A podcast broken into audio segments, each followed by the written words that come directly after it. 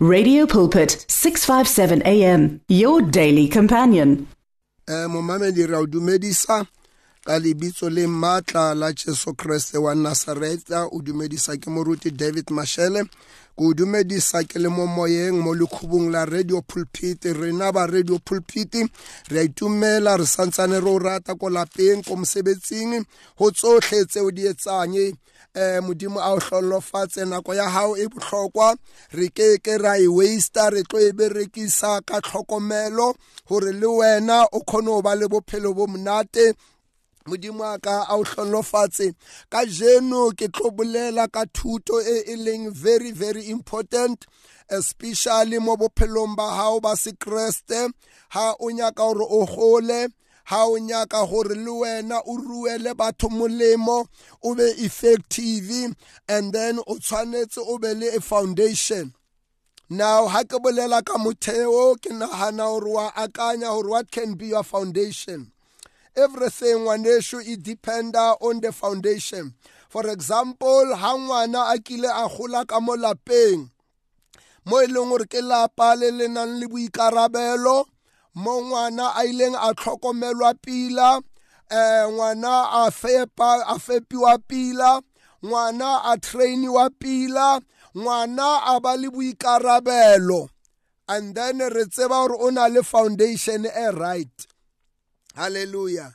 Nako e nngwe mo re dulang mo teng o ka kry-a e le gore re dula mo plekeng mo ditulong tse e leng gore bophelo ga bo right maitsholo ha teng ha gona le mekgwa. I mean uh, you find a situation e isn't right. Now bophelo bo go buira gore bana ba rona as ba gola and then ba ba ba ba fapoga.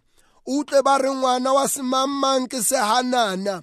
Ngwana wa semammang o eng eng eng. And then to the point ya gore ko bofelong ga go sana mekgwa e e siameng. Then that mean foundation it was not there. A re ke re lebelle lentswe la modimo ngwanesho re lebelle taba ena ya motheo o o leng bohlokwa. Eh mo bukeng ya dipesalome i think ke batla re ke re lebelle uh i think is uh psalms number 11 re ba le verse number 3 yona e bolela ka tsela ena. If the foundations are destroyed what can the righteous do? The lord is in his holy temple. The lord's throne is in heaven. The his eyes behold. His eyelids test the son of man. You say now bible e re ha metheo e robegile kapa ha metheo e wele. Le re lentswe la modimo e ka ba moloki a ka etsang so ka mantswe a mangwe go bonagala o ka re if the foundation is sisteng ga gona tshepo which it may be true. Ha o bala mo bukeng ya matthew chapter number 6 o bala verse number 23 to verse number 27 and then look o bukeng ya luke chapter number 6 uh jesu o bolela about the foundation ya ntlo.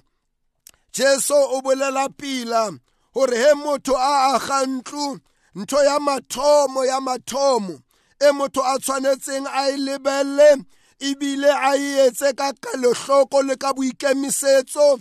E tshwanetse e be foundation.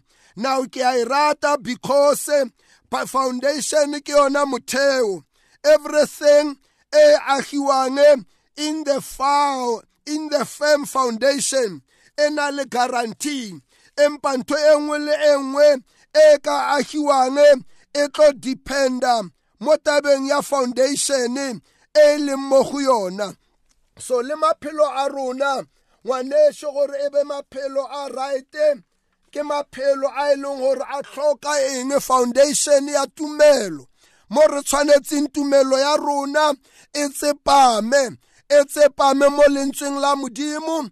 Tumelo ya rona e tsepame mo nneteng. Ha o bala mo bukeng ya john chapter 8 verse number 32 o re morena jesu le tla tseba nnete ebile nnete hape e tla le lokolla. Ha o bala mo bukeng ya john chapter number 15 o bala verse number 1 to verse number 7 o re morena jesu ke yena setlhare sa morara and then ntate ke molemi and then rona re makala.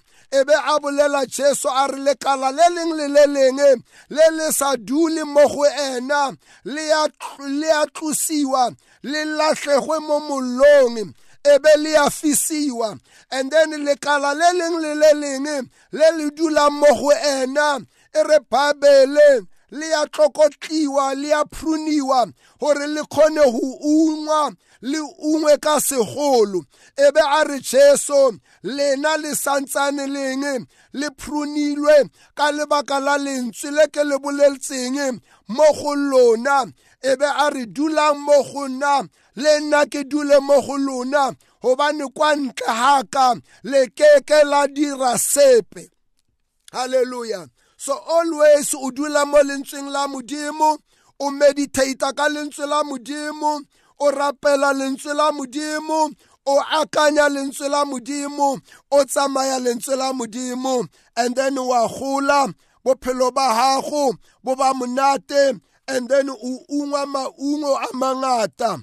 Mara go na le taba e ke batlang re bale mo bukeng ya bahebero chapter number number 6 i mean chapter number 5 hebrews chapter number 5 verse number 12 uh, to verse number 3 ya chapter number 6 yona e bala ka tsela ena a re though by this time you ought to be teachers.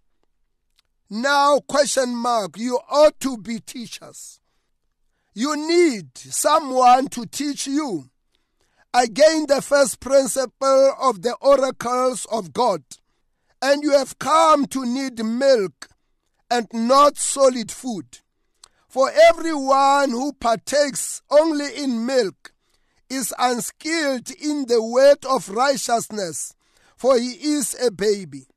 But solid food belongs to those who are of full age, that is, those who by reason of use have their senses exercised to discern both good and evil.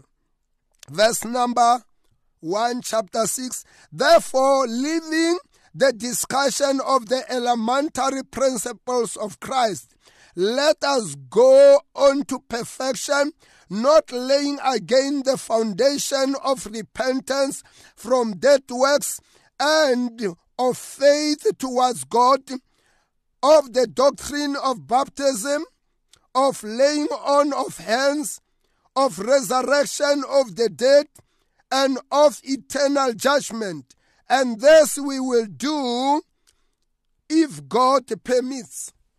Now, Mopolo ubulela about maemo a challenge ya bophelo ba sekreste mo e leng gore bakreste ba bangata ba stakile bakreste ba bangata ha ba gole bakreste ba bangata ha ba fetoge bakreste ba bangata ba santsane ba tshwana le maobane.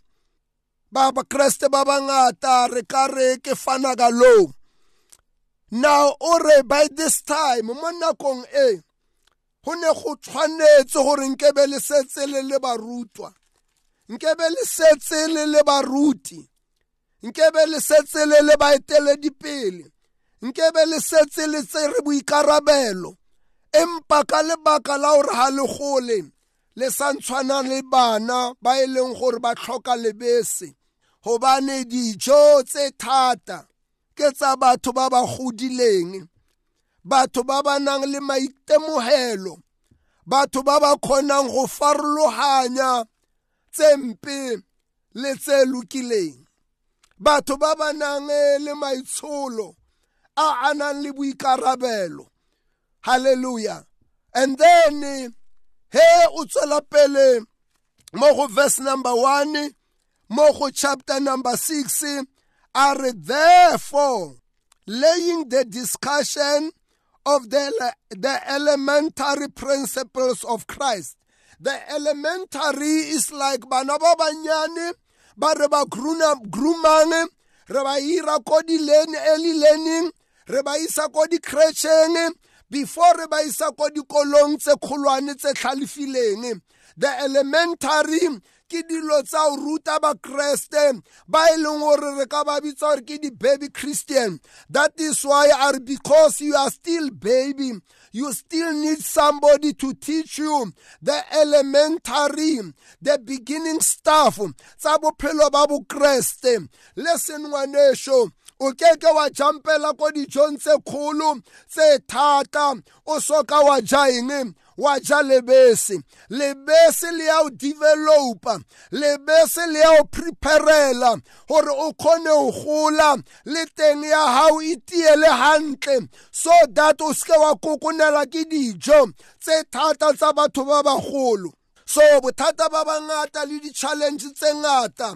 Tse ke di boneng mo bophelong le mo bakresteng is a serious problem and is a serious thing.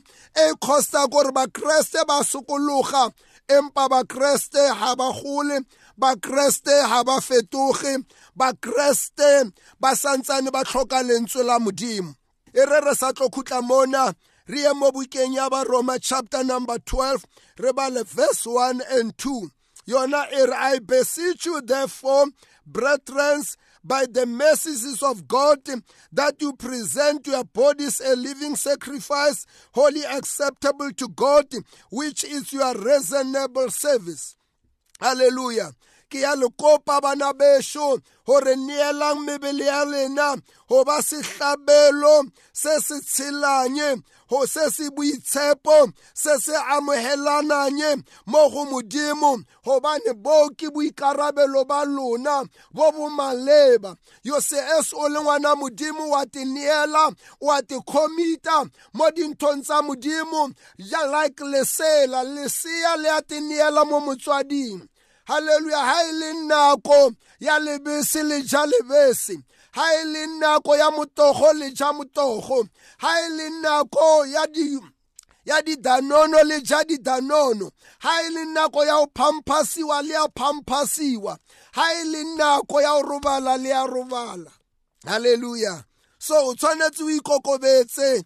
Modimo a ka o hlonlofatse re bala verse number 2 mo romans chapter 12 e re and do not be conformed to this world but be transformed by the renewing of your mind that you may prove what is that good and acceptable and perfect will of god.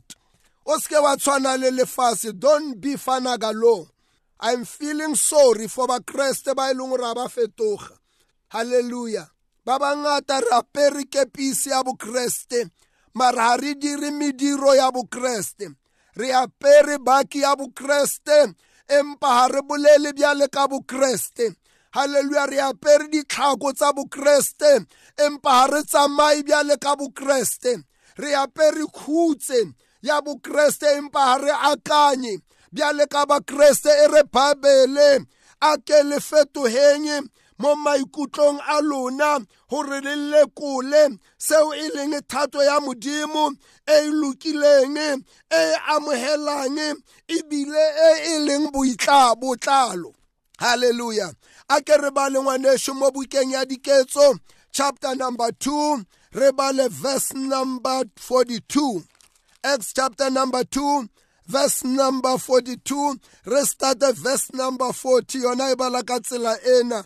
Ntho ena ko fang yona ke empowerment ha o ka eng ka bophelo ba will never be the same everybody with many other words he testified and exhorted them saying be saved for this from this perverse generation then those who gladly received his word were baptized and that day about 3,000 souls were added to them.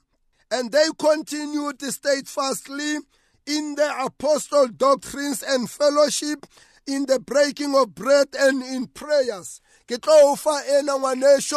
O ka bala di-verse tse dingwe tse latelang until verse number 47 verse number 47 e re bible ne ba na le botsalano le modimo le batho ba bohle. And then hape hape modimo o ne a eketsa mo kerekeng ka letsatsi le letsatsi ka batho ba ba neng ba sokologa. Why? Because kereka ya mathomo e ne e ja lentswe la modimo kereka ya modimo e ne e kopanela kereka ya modimo e ne e abelana kereka ya modimo e ne e rapela. Hape hape kereka ya modimo e ne e shera lentswe la modimo le batho ba ba neng ba sa tsebe modimo.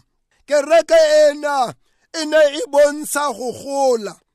Halleluya now mo bukeng ela ya bahebero e re bible foundation e leiwa ka dintho tse six ha o nyaka foundation ya hao e be strong and then foundation ya hao e be botlalo e re bible is faith towards god. Ntho ya mathomo ke repentance. Hallelujah. Foundation number one is repentance. Ha o le ngwana modimo o tshwanetse o make sure gore ka nnete o sokologile o amogetse jesu ha o kene fela kereke ebile ha o apare fela dikereke diaparo tsa kereke wa senya ditšhelete mahala. E re bible repentance from dead works. Now what is a dead work? A dead work ke ntho e nngwe le e nngwe e seng ho ya ka thato ya modimo. Ke ntho e nngwe le e nngwe e sa amoheleheng mo bophelong ba ba sekreste ke ntho e nngwe le e nngwe e leng kgatlhanong le thato ya modimo it's a dead work. E be e re bible faith towards god. That is foundation number two. Tumelo ha se o tsena kereke. Tumelo ke go buelana le modimo. Halleluja re itse gore bjanong re dibopiwa tse dišwa re buelana le modimo re na le bongwe ba modimo. And then foundation number three is doctrine of baptism. Kolobetso e re bible ke sesupo ya gore re shwelwe mo sebeng ra šwa mo mesebetsing ya nama ra šwa ra patwa le morena jesu and then ra tsoswa hape le morena jesu. Maphelo a rona a fihlilwe go morena jesu ko legodimong and that is what baptism means.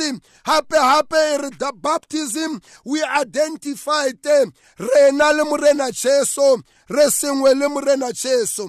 And then foundation number four laying of hands. Go bewa letsogo. Go na le tlhogonolofatso e kgolo e tlhagang go modimo. Ebile e tlisa covering e tlisa protection e tlisa deliverance e tlisa pholo e tlisa le di-blessing. Is very important. And then the resurrection of the dead go na mona a resurrection because ha re amohela morena jesu re na le eternal life rena. E re babile re ile ra tsoga ga mmogo le manye le morena jesu. Foundation number six is eternal judgment. Go rao rena re lokologilwe ka madi a jesu ga re sa yo judgiwa gore re latlhiwe so you must lay this foundation and be firm ka lebitso la jesu o gole mo moreneng modimo a o and amen The words of the Lord are words of life. Your heart is on 657 AM. 657 AM. Radio for believers in action.